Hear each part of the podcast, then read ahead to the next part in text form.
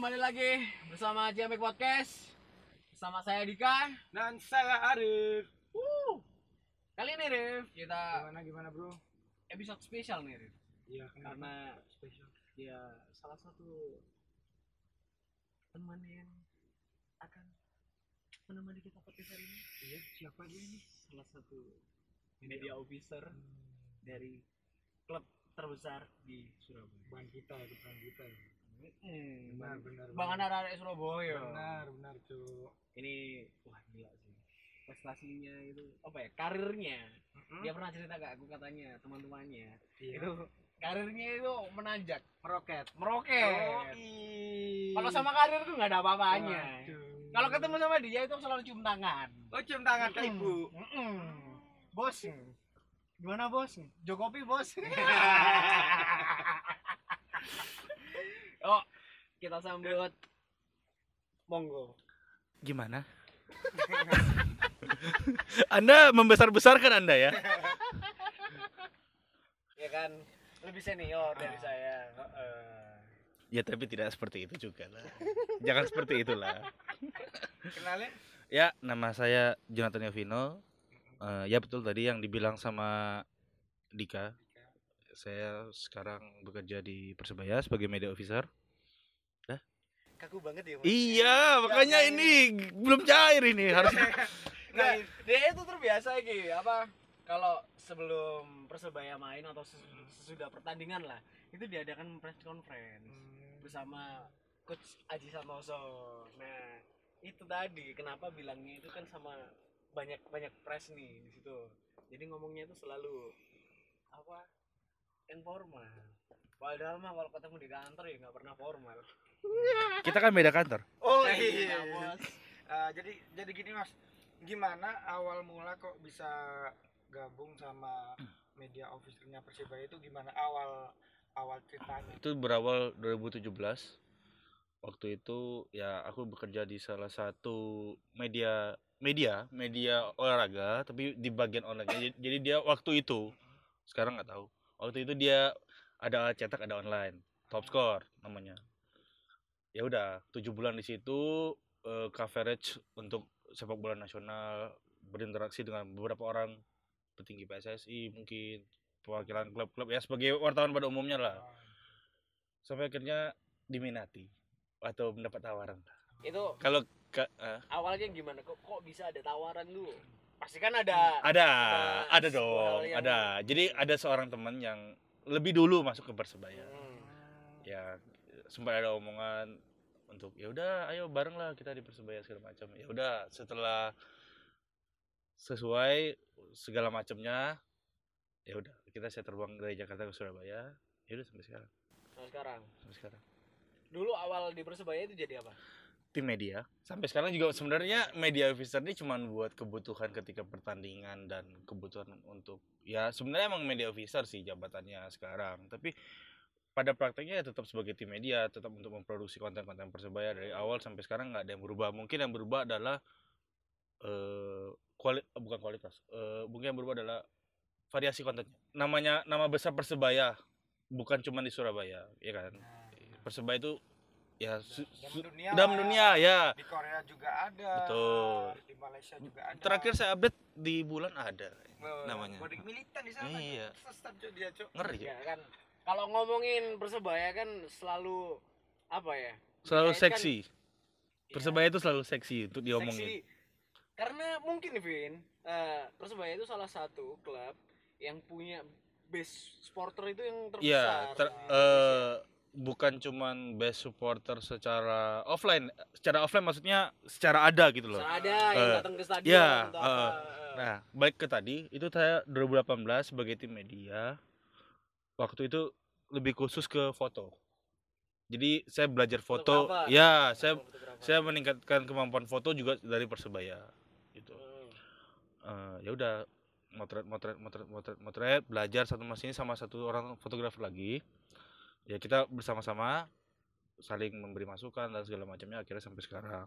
Nah, eh seiring perkembangannya waktu saya di Persebaya, pertama cuman foto, akhirnya diberi kepercayaan untuk memaintain lah untuk sosial media segala macam. bukan admin ya saya bukan adminnya jadi adminnya itu kalau teman-teman bonek masih ta- cari tahu ya ada lah pokoknya sosok lah sos- so- so- so- satu orang lah pokoknya saya nggak bisa bilang itu cowok nggak bisa bilang itu cewek pokoknya seorang admin. Iya. siap siap. dulu eh, waktu belajar foto pakai pakai apa? Kamera kamera awal. Wah. awal buat awal. pertama kali megang kamera itu 2013 Mhm. Pak. pakai apa?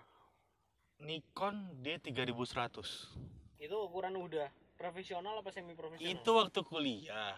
Itu iseng-iseng aja sebenarnya. Kayaknya seru juga sih eh, kamera gitu. Dunia dunia fotografi. Waktu itu kebetulan lulus SMA ada temen yang juga main kamera terus bilang seru juga ya udah ikutan kira beli kan kamera waktu itu harga belinya kalau nggak salah 6 juta atau 7 juta gitu itu D3100 lensanya 1855 waktu itu belum ngerti tuh iki lensa si api Oppo apa gue ngerti Heeh. kuliah lah kuliah kuliah di kuliah tuh masuk lah sam- Eh, bentar. kuliah di mana saya kuliah di Universitas Multimedia Nusantara di di Serpong, Oh, Tangerang. di itu Jakarta, Jakarta ya Ya, ya. Hmm. Terus? Nah, di kuliah lah itu mulai mengenal lah. Oh ternyata untuk foto ini pakainya lensa ini, ini segala macam. Itu belajarnya bukan dari pelajaran teoritis kampus, maksudnya ngobrol-ngobrol sampai konco-konco segala macam. oh gitu Ikut salah satu komunitas foto kampus juga yang ya memang banyak kan ya di semua kampus saya rasa Hmm, ada ya, komunitas ada foto. Ya, eh. bahkan waktu itu setelah saya di persebaya komunitas itu sempat mengundang pengen mengundang saya untuk jadi pembicara tapi karena kesibukan. Jadi ya enggak waktu itu kalau salah bentrok sama pertandingan apa gitu saya lupa itu 2018 ya udah saya bilang maaf nggak bisa. Dia itu waktu itu saya nggak tahu ya sampai dia bilang saya bilang saya di Surabaya gimana? Ya udah mas nggak apa-apa. Oh bener ya kak? Nggak apa-apa kak. Kita biayain semuanya hotel tiket segala macam. Saya Itu di berpikir mana? Itu komunitas fotografi kampus itu. Di mana? Di Serpong. Serpong. Terus saya pikir kok banyak duitnya? Perasaan dulu pas saya di sana kita nyari duit. Ini kok buang-buang duit? Sampai mau menerbangkan. Iya sampai mau menerbangkan. Tapi ya udah saya, saya bilang "Eh, saya nggak bisa karena memang ya nggak bisa ditinggalkan lah ini persebaya. Waktu itu sempat masuk TV kampus sempat masuk TV kampus di 2015 sampai 2000 2014 sampai 2016 tuh sempat masuk TV kampus. Terus ada yang ngomong timnas ada di Karawaci tuh. Kan deket ya Serpong Karawaci cuman 15 menit lah kalau naik motor. Nah yaudah udah deh coba ke sana. Coba ngambil gambar video waktu itu pertama kali video. Kok susah? Tapi nggak apa-apa itu buat ngambil video. Apa dari jauh? Eh, Pas dari jauh. mungkin iya ya, dari latihan. ya itu waktu itu zamannya Alfred Riedel bro. Oh Alfred. Jadi senior mungkin ya? Ya senior. Kok seru ya? Terus ah susah nih video. Akhirnya saya hari besoknya kan lama kan kalau timnas latihan setiap hari ada saya ajak teman saya udah kamu video aku pengen coba foto. Lu video gue pengen coba foto. Kan gua lu kalau di Jakarta kan. Ya udah bro katanya. Dia jadi dia video aku nyoba moto ketagihan. Tagihan. dari situ tuh 2014 2014 2015 masalahnya filenya hilang sampai sekarang. Kalau ada itu memorable banget gitu loh. Ya. iya karena waktu itu zamannya memang yang saya ingat ada Sergio Van Dijk di situ. Sergio Van Dijk. Ya Ah. ada Rafael Mati Maitimo. Timo. Ada Opa Riedel dan ada mantan pelatih persebaya juga Wolfgang Pikal di situ Wolfgang. ya sebenarnya Riedel juga mantan pelatih sih tapi ya nanti lah kita bahas soal persebaya nah itu habis itu Habis itu ketemulah dengan satu orang. Saya nggak bisa sebut nama. hmm. Mr. X. Karena jangan disebut lah. Nanti orang-orang ikut jadi banyak saingan saya. Mr. X ini lah ngobrol kenalan. Saya dari media kampus mas segala macam. Gimana kalau mau ikut kegiatan timnas? Oh bisa. Eh, tapi di limit ya kuotanya. Saya ngomong ke teman-teman karena media kampus itu birokrasinya cuman jelas. kita kita bukan nggak jelas ada tapi cuman kita kita aja gitu loh waktu itu saya sebagai kalau nggak salah ya kalau saya salah mohon maaf teman-teman kampus yang dengar asisten produser atau produser saya lupa waktu itu jabatan saya di situ ya udah bilang udahlah ayo los tok nggak wani tok jadi dari Surab dari Tangerang ke Jakarta anak kampus media kampus yang cuma basis YouTube yang viewsnya cuma ya elah 200 apa berapa gitu. Ya udah berani. amat bodoh amat. Dah. Pokoknya kita sing sing penting budal. yo Ah. sing penting budal. Di situ saya kenal banyak teman-teman wartawan yang sampai sekarang masih menjadi relasi sama saya. Dari situ dari situ semuanya bermula. Udah. 2016 karena memang ada miskomunikasi segala macam nggak cocok akhirnya saya mulai menarik diri mulai menarik diri ada senior senior kampus tuh dia bilang gua ada media kecil-kecilan nih lu mau nulis nggak? Belajar nulis nggak? Mau atau enggak mau foto terserah dah. Ya udah dah gua ambil gitu. Makin tapi gua saya bilang tapi gua fokus di olahraga karena gua tertarik gitu. Ya udah silakan. Ya udah di situ semakin sering ke timnas. Di situ sih saya merasakan lonjakan followers followers? Instagram. Instagram. jadi waktu itu sebelum masuk timnas sebelum motor motor timnas upload di Instagram tuh followersnya cuma 800 500 setelah upload timnas? seribu seribu lima ratus dua ribu. Karena kan orang-orang kepo. ya. Nih sampai ada yang nge DM gini bang waktu itu eh, 2016 ya itu Hansamu segala macam sudah mulai dipanggil ya. Bang timnas latihan kapan? Terus saya bilang emang gue siapa? Ngerti juga kagak. Lanjut kan ya Nah. 2000 ya akhirnya ada yang bilang ayo lo eh, ngajak ayo Vin liputannya Liga Indonesia dong Persija eh, Bayangkara tim-tim yang di Jakarta lah. Ya udah bang nggak apa-apa ikutan ikutan ikutan akhirnya ketemu lah dengan teman-teman ini teman yang akhirnya membawa ke persebaya. Apa kabar persebaya? Belum lah media officer itu saya baru resmi jadi media officer persebaya itu 2019 hmm. waktu itu sebagai media officer persebaya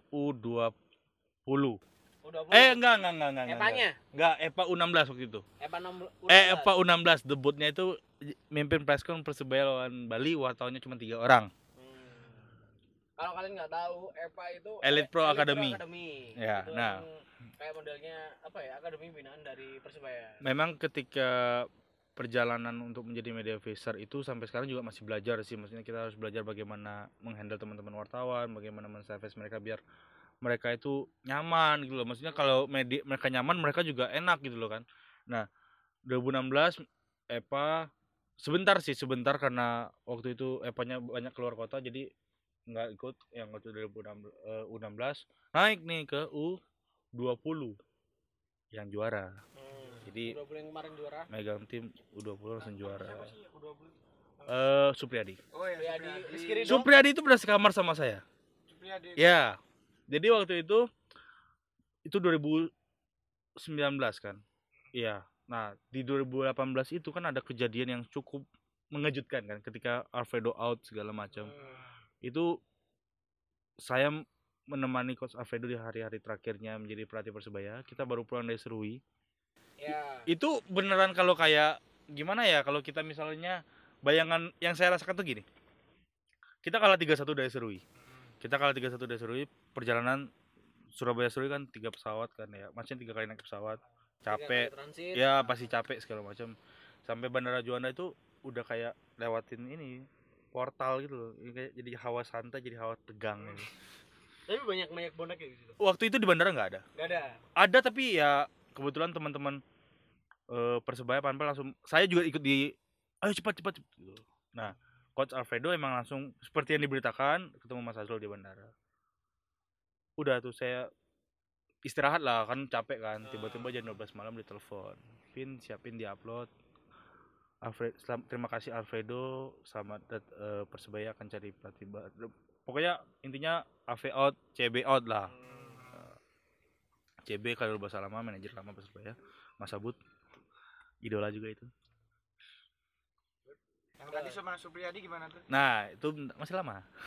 Nah, nah 2000 itu masuk coach Janur ya udah kan karena emang sempat ngobrol juga sama coach Janur waktu jadi wartawan ya udah akrab udah ikutin tim tetap ngikutin tim tapi memang karena U20 sudah mulai ada U19 waktu itu masih masih U19 masih ada saya mencoba eh diminta untuk ke U19 belajar di U19 itu maksudnya belajar adalah ya udah gimana sih manage tim secara utuh gitu loh maksudnya. Hmm. kalau di senior kan waktu itu ada Mas Yondang ada Mas Nanang dulu juga kan awal-awal. Mas Nanang udah Vin kamu coba di U19 eh, belajarlah dari U19 dulu. Persiapan. Persiapan apa Mas? Udah persiapan. Deh kurang lebih sih itu. Nah ya udah belajar kan di U19 gagal tuh. Itu belum ada Supriyadi. Supriyadi belum ada waktu itu gagal di Magelang. Kita kalah draw satu sama sama Persija. Kalau kita menang kita lolos ke final. Gagal di U19 kembali lagi ke senior. Kembali ke lagi ke senior eh, ikut latihan motret latihan segala macam bla bla bla bla bla. Tahun berganti U20 ada. 20 ada ya. langsung tuh. Media officer siapa? Tanya ke tim media. Vinoy Vinoy ya Allah. Ya ya ya manut aja kata saya bilang itu kan udah akhirnya ikutlah U20 nah karena U waktu itu senior juga lagi aktif-aktifnya eh lagi aktif di senior juga sampai sekarang sih. Nah U20 di ketika dia di babak grup dihandle sama teman saya. Teman saya ngikutin eh ya udah. Begitu dia lulus saya langsung diminta untuk mendampingi U20 kebetulan kalau teman-teman Borek juga mengikuti U20 itu ketika dia sudah masuk ke lolos babak grup kita live streaming terus. Kita live streaming terus kita karena emang nggak disiarkan kan.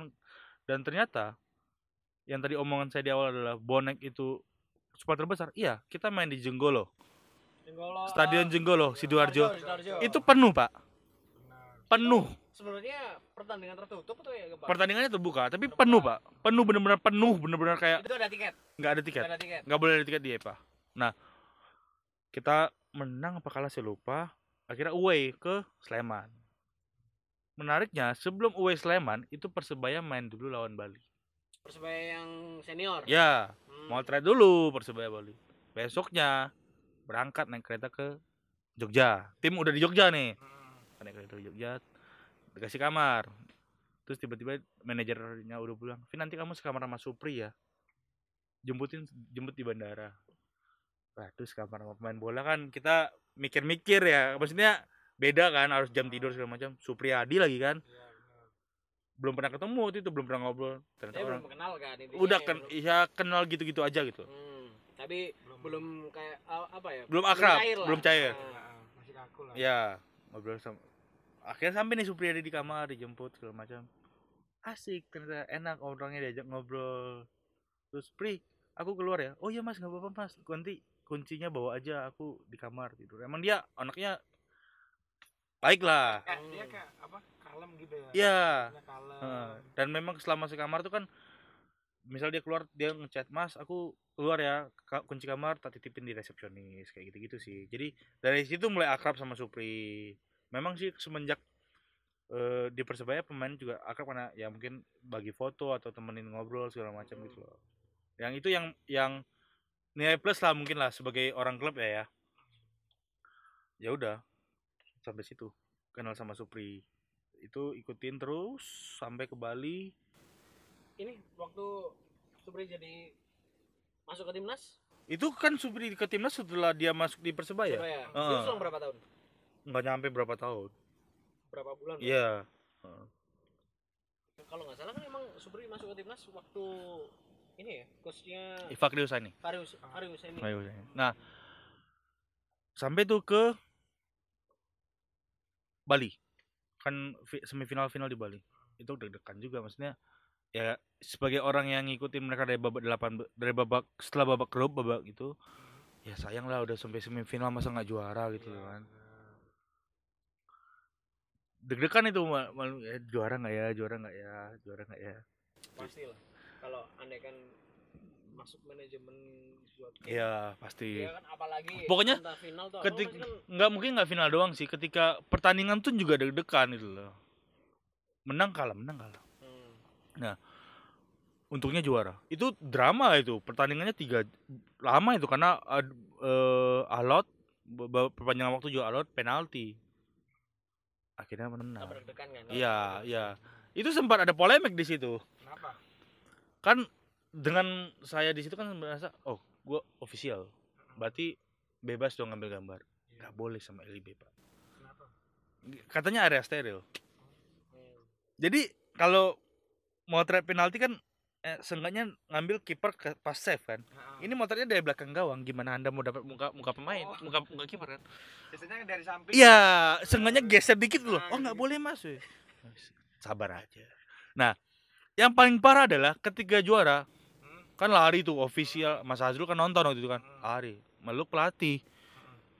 Ngejar dong sebagai fotografer kan pengen dapat momen dong. Nah, ditahan dong mas. Nggak boleh ada style gua official nama gua ada di itu loh DSP nggak boleh mas. Untungnya nggak ditanyain fotonya mana. Kalau ditanyain. Kalau ditanyain ya saya kasih apa adanya gitu loh. Eh, udah kan juara. Karena saking excitednya juara itu capek itu nggak berasa pak. Itu jam 12 malam waktu Bali sampai di hotel. Hmm. memang hotelnya berbeda ya antara U20 dan senior. Nah, sampai di Bali itu juga eh, jam 12, jam 3 jam 4-nya sudah berangkat ke bandara. Nyampe ke Surabaya Jam 4 subuh. Pagi. pagi. Eh, Jadi nggak tidur, ngedit foto kan, fotonya banyak ngedit foto segala macam. Sampai di Surabaya kaget, Bos. Kenapa? Sabut bonek Sambut bonek, Bos. itu itu disambut dari bandara berarti. Dari bandara, Bos. Hmm. Dari Sampai? bandara sampai ke Kapolres Tabes. Ya, Kapolres Tabes ya. yang ini Yang di situ. Nah, kalau kalau Polrestabes berarti Tugu Pahlawan. Ya, Oh. sampai situ. Disambut, Bos. Wih, Itu untuk Persebaya U20. U20 padahal. Hmm. Gila, U20. Sebelumnya pernah U17 juara juga. Itu di depan waru itu rame, Oh, Pak. rame. Wah, nggak karuan, Pak. Makanya dari situ menyimpulkan adalah ya gila ini. Memang karena bonek kan segala umur ya Iya, iya dan enggak, kecintaannya itu enggak cuma Nah, hanya untuk senior. Iya, nah- definisi dia cinta Persebaya itu ya segalanya Nah, tentang betul, Persebaya. betul. Jadi cukup sedih juga ketika mendengar banyak yang berita negatif soal bonek. Ya sedih juga sih melihatnya karena memang apa yang mereka lakukan yang nggak orang tahu juga luar biasa semua gitu loh. Itu sih. Ya, kalau kalian nggak tahu eh, sebenarnya bonek itu banyak kayak aksi-aksi sosialnya ya Vin ya. Kayak entah itu bagi-bagi masker, salah satunya Itu- waktu itu- pandemi kan. Itu yang terbaru sih. Maksudnya ketika pertandingan besar pun mereka juga nggak ada flare segala macam tuh ada sempat sa- satu pertandingan itu lawan Persija loh, Pak. Lawan Persija waktu itu rivalitas juga tinggi, kita menang 3-0. Itu nggak ada flare, nggak ada lemparan bat, nggak ada lemparan botol. itu luar biasa itu luar biasa waktu itu memang ketika kalau kita bicara dengan suasana stadion memang merinding jadi pertama kali saya merasakan pertandingan full house persebaya arema. Itu 2018 6 Mei 2018. 2018 gol tunggal Misbahku Solikit mainnya di mana itu? GBT GBT itu merindingnya setengah mati pak. Enggak, ya sebelumnya pernah ngerasain itu ketika saya pernah liputan AFF U16 yang main di Pakansari. Itu juga merinding karena satu stadion nyanyi Indonesia Raya. nah, semua berkumpul ya. Iya, Entah lu bonek, entah lu Ya, reject, entah bodo apa. amat lah. Pokoknya ya ini Indonesia. iya, heeh, itu itu itu waktu itu. Hmm. Sampai di Persebaya ketika lihat seperti ini itu ketika kita ngepost tiket berapa hari sebelum pertandingan itu hitungan det- hitungan menit pak hitungan menit lima puluh ribu eh, tiket lima puluh ribu sold out lima puluh ribu seat sold out jadi makanya saya saya sebenarnya ketawa dalam hati ketika orang bilang bonek itu gembel segala macam tiket lima puluh ribu bos. Kalau kalau eh, berarti eh, tiket dari Persebaya itu yang termahal salah satu salah satu termahal ya ya ya? kan. VIP-nya dua ratus lima puluh ribu. Ekonomi loh ya Iya ekonomi. Dan makanya ketika ada ejekan tentang bonek gembel segala macam, saya cuma berpikir tiketnya lima puluh ribu, baju di persebaya store paling murah kayaknya seratus ribu, seratus ribu dan itu dibeli. Terus kalau gembel mana bisa beli gitu loh. Memang kasihannya malangnya kita di persebaya dan malangnya bonek adalah karena namanya yang terlalu besar orang banyak menyalahgunakan. mungkin ya karena Iya. juga Iya, jadi misalnya kayak ada orang iri misalnya kan, misalnya Mr. X ini iri gitu kan. Ya udahlah, aku bayarin kamu satu juta, kamu pakai baju bonek, kamu ngemis-ngemis gitu, atau kamu rusak gitu. Ya kan bisa jadi kan. Kita nggak, karena masanya terlalu banyak gitu. aplaus buat bonek lah Nah, lo- lanjut lah itu kan U20 selesai. Seneng lah karena maksudnya megang tim juara. U20 juara. Rame juga tuh di kantor. Media officer. Sampai sama teman-teman di tim media sebelum pertandingan tuh sempat ada taruhan. Yo po nek juara yo po, gundul lah. Yo gundul wes. Pikiranku kan gundul di barbershop. Enggak, Pak, di kantor ret. Gede. Mending gundulnya bagus. tapi bener gundul. Gundul. Beneran gundul. Beneran gundul. Akhirnya dirapiin di eh, tukang barbershop. Akhirnya rapi. Ya seperti itulah eh, waktu di U20 akhirnya selesai. Eh, coach Janur juga selesai waktu U20 juara saya rasa sudah masih coach Janur apa enggak ya? Lupa. Lupa lupa lupa. Nah waktu itu ganti pelatih kan. Ada rusuh kan itu persebaya PSS Sleman. Itu itu mengerikan sih. Itu mengerikan. Setelah Janur siapa ya? Setelah Januar Wolfgang. Ya. Alfred Rieder Alfred. Ya. nah itu tuh kalau nggak salah Janur out itu tuntutannya ketika persebaya PSS Sleman. Correct me if I'm wrong tapi setahu saya itu eh nah itu rusuh rusuh kan itu itu itu nah itu di situ saya sedih sih maksudnya memang benar kalau satu perbuatan kesalahan merusak semuanya. Ya itu benar itu benar. Waktu itu nama bonek jadi jelek lagi tapi ya udah akhirnya kembali normal. Itu waktu itu eh, setelah itu kita main di Malang. Main di main Malang? main di Malang tuh kalah itu waktu Liga 1 apa? Liga 1 Liga 1 iya iya iya iya benar kalah 4-0 itu bukannya yang kalah terus menerus itu ya? Iya, iya, iya, iya. Itu kalah 4-0. Itu posisinya ketika kalah 4-0. Suasana tuh sudah kayak mencekam lah suasana maksudnya suasana merasa tuh sudah kayak neraka sedih enggak neraka sih sedih. ya yo, yo KB lah pokoknya kan eh ya udah. Akhirnya itu memutuskan waktu itu tuh sempat tim kita dari tim media ya apa iki balik apa enggak? Iki enggak wes ngancani tim aja. Ya wes. Ngancani tim. Baliknya paginya. Langsung saya ke kantor.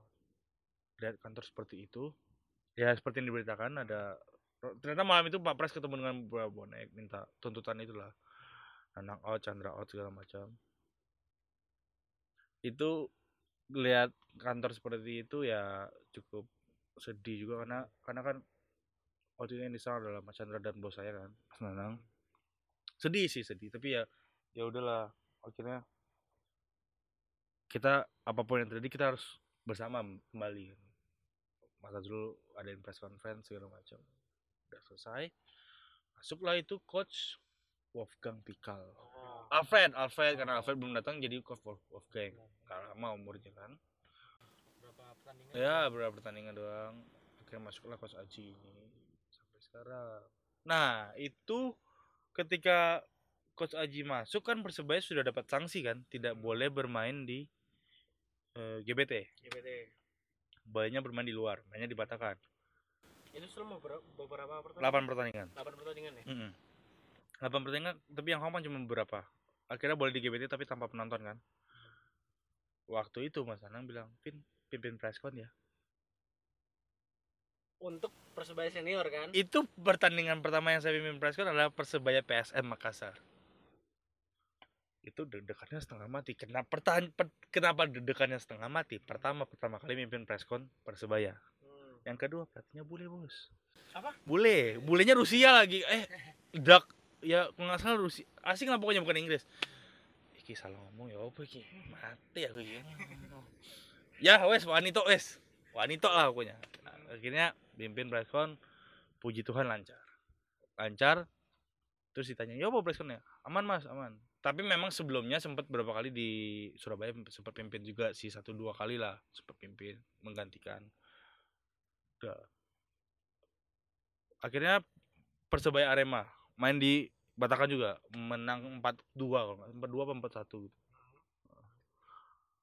Pimpin Preskon juga. Mereka juga Pimpin Preskon juga waktu Sampai sekarang sampai sekarang.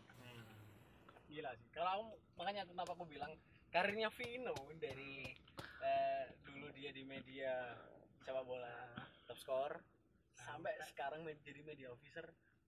Iya kan itu yang bagus yang yang bagusnya, yang yang buruknya kan nggak diceritain lah. Tapi kan itu kan jadi motivasi Oh iya, ya maksudnya Iya, segala, men. segala, segala sesuatu yang terjadi itu ah, dijadikan motivasi. jadi untuk selanjutnya ada nggak ya eh, gini momen-momen yang nggak bisa terlupakan lah Banyak. satu aja lah mungkin pendengar kita tahu satu aja Yang terbaru aja deh ya, Iya, yang iya. terbaru. yang momen terbaru lah Oh, Ya jadi media officer sih. Jadi Selain media itu, officer Persebaya senior. selain itu selain itu Selain itu, momen yang nggak terlupakan ya mungkin lebih ketika bersama teman-teman pem- bersama pemain sih. Eh bercandanya beda, maksudnya nuansanya beda semuanya segala macam beda. Eh, bener-bener sudah kayak keluarga. Dan ketika away pun juga bersama tim media itu karena kita memang eh apa ya namanya sudah merasa seperti tim ini sudah seperti saling melengkapi jadi ya ke mana-mana kan bareng. Jadi pernah kita away ke Bali ke Mama itu akhirnya karena memang bosen naik pesawat. Ih iyalah gaya bosen naik pesawat padahal mah Akhirnya naik kapal. padahal mah alasan lain. Karena memang pengen sekali liburan minta ke kantor. Eh, ya udah kita tim media berangkat semua deh naik pesawat. Eh naik mobil. Naik mobil tuh ke Bali itu seru sih. Paling seru ya. Itu seru sih. Jadi eh, lewat apa naik naik kapal. Ih, itu gitu. itu pecah sih pak. Itu pecah sih pak. Keren loh. itu karena semenjak 2019 itu kan kalau di kantor itu kan ada mana, namanya e-budget. Nah kebetulan saya yang meng- mengatur e-budget untuk tim media nanti emang aksesnya ke manajer manajer media. Tapi untuk eh, anak-anak request segala macam pasti requestnya ke saya. Yaudah kita ngatur budget sedemikian hotel kita cari sendiri. Pokoknya kita intinya liburan sambil kerja lah pokoknya kerjaan wes wes tenang bebas ngono loh Liburan. liburan ngono loh Nah, dan itu 2019 saya paling banyak ke Bali empat kali itu kalau nggak salah saya balik balik balik Jakarta Surabaya Bali Surabaya empat kali apa lima kali gitu lupa dan pasti kalau ke Bali pasti party lupakan lah ya. Gak identik lah. Kalau Bali pasti. pastilah pasti tapi nggak sampai mabuk nggak boleh mabuk Nggak boleh ya. Nggak boleh. Hmm, Sip. Sip lah. Lah. Firman itu emang anak anak baik-baik. oh iya Anak baik jelas ya. jelas merokok saja tidak Nggak kalau merokok emang dia nggak merokok. Ah Hmm. benar. bagus bagus sekali Oke. podcast ini saya suka Iya. Nah, kalau apa? Itu tadi cerita perjalanan nih. Nah, ini kan banyak yang ngomongin wah Liga 1 stop nih. Gak ada gak ada gak ada bergulir atau apa. Kat, eh. Kalau ngomongin itu banyak nih bonek mungkin. ya yang nanya ya apa persebaya baga- bagaimana? Nah, Gini, gini. Apa kabar Persebaya? kita itu juga sebenarnya prinsipnya adalah menunggu Hmm. karena memang eh, Mas Azrul dan petinggi-petinggi lain itu adalah orang yang sangat ket, ya sangat gimana ya ngomongnya sangat peduli dengan segala hal-hal teknis sekecil apa pun ya kita tahu kan pandemi ini luar biasa ya maksudnya Hmm. eh, nggak ada yang tahu kan dia di mana orangnya bentuknya gimana nggak ada yang tahu kan jadi memang kita masih menunggu protokolnya dari PSSI segala macam karena memang ya open tiba-tiba main tiba-tiba ono si covid ya apa Iya benar. Gini nih, aku mau tanya nih mas. Hmm. Ketika pandemi ini kan, Hmm. terus pemain-pemain itu gimana? Dia dipulangkan atau dia dikarantina di suatu tempat? pemain itu eh, jadi gini persebaya itu kan masuk 2020 2020 itu kebetulan saya cukup intens dengan tim jadi 2020 itu kita mulai di awal Januari Per- waktu itu kita launching itu training topik pak training topik di Google launching tim persebaya kalau kalau Waktu yang kemarin ini kan. Iya, kalau mau- Ah. eh, sebelum Cak Nun kayaknya Cak Nun tuh Sabah opening nggak pakai Cak Nun opening kita lawan Persis Solo Ya iya kan? Itu bukannya Enggak. Cak Nun tuh Sabah kalau nggak salah Enggak ya? Lupa Persis. oh iya iya iya, iya sama Persis ya iya iya, benar benar benar Hmm. Nah, itu saya ngide Mas kita jual ke TV aja mas bagus nih kita ngini TV semua TV nasional tidak ada yang mau ngambil ini jujur Hmm. karena saya yang berhubungan Hmm. TV yang biasa menyiarkan lebih memilih liga joget-joget, liga dangdut. Liga dangdut. TV yang lain nggak cocok di angka. TV yang satu lagi yang berwarna biru mintanya lawannya kurang menarik kalau Solo. Ah, udahlah saya bilang. Ruwet. Telepon, kebetulan ada kenalan kan di sini sama Smackdoor yang memang sudah pernah bekerja sama dengan saya untuk U20. Udah Mas, kita pakai Smackdoor. Kita modalin, kita stream segala macam ya. Ya udah live streaming. Training topik. Itu naik dibeli TV, Pak. Kayu biru. Nah, udah kan karena waktu itu saya pede dong, saya jual lagi nih. Persebaya Sabah. Launching tim Persebaya. Gak on lagi sih. Ya wes, live streaming lagi aja nggak apa-apa kayak YouTube Persebaya Sama kan. ini Sama Smackdown. Sama Smackdown juga. Memang saya sama Cak Jul tuh sama Smackdown tuh cukup berkenal baik gitu. Sampai waktu itu pas Persebaya Sabah itu Cak Jul bilang, "Pin, iki aku ono A9." Wes enggak wes gawe. Mbok gawe ta? Waduh Cak Jul 60 juta ya Cak Jul. Lu saat titik ya apa? Wes gawe ae. Oh wes. A9 bro itu megang aja dedek bro.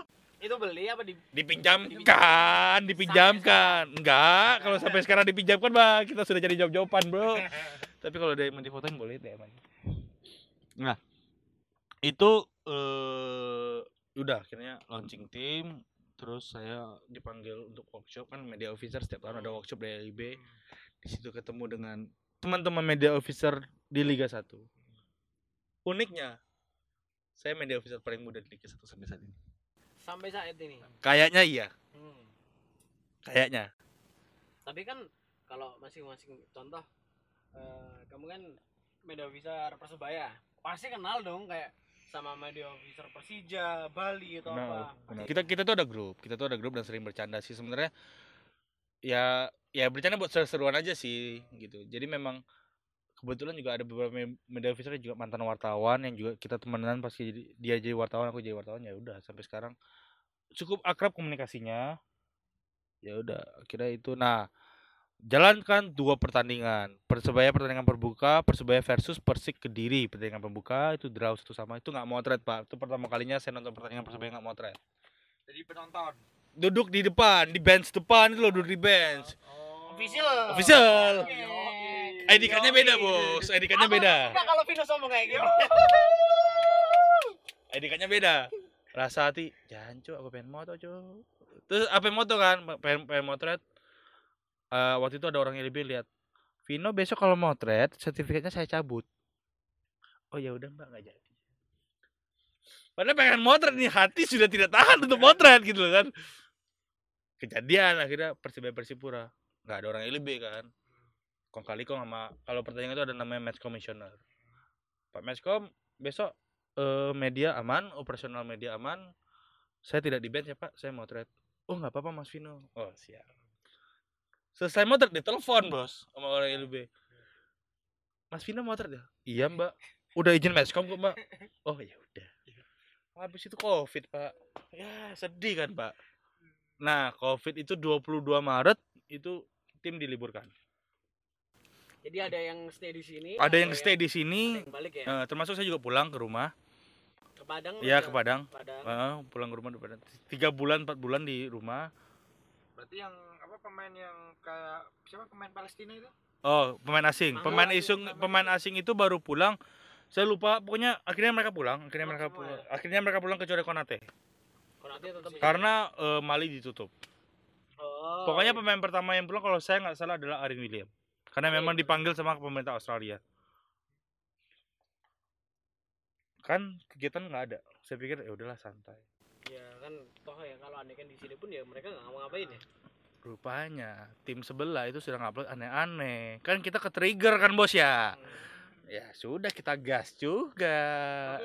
Tapi untuk untuk sekarang eh, pemain belum ngumpul. Oh belum. belum. Jadi karena memang ada ki- latihan belum tahu kapan latihan segala macam. Kan kalau pemain kumpul ada pembicaraan lebih lanjut soal gaji dan segala macam kan gitu. Tapi untuk gaji gimana mas? Saya karena bagian dari official ikut Enggak. peraturan peraturan PSSI 25 persen. 25 sampai 50 persen. Sedih bos. Ya namanya juga namanya pandemi juga kan. pandemi kan tapi ya ya di dijalanin lah. Makanya ada orang bilang eh ada sampai teman-teman bilang gini Vino itu nggak ngarep pergi dari persebaya. Tapi memang ya ya apa yo? Ya mbulah ngono lah pokoknya. Ya gimana lah bos? 50 persennya officernya Persibaya sama Ya. 50 persennya nggak nggak nggak nggak. Beda beda beda. Kalau bahas gaji saya janganlah jangan Ya, kalau ngomongin gaji saya ya sama gajinya Vino ya jauh kok Jauh lah. jauh anda I'm so sorry. Dia the real sultan iya iya iya iya. Kalau aku ketemu dia itu selalu cium tangan bos. Cium tangan ya. cium tangan dulu bos. Awas besok enggak ya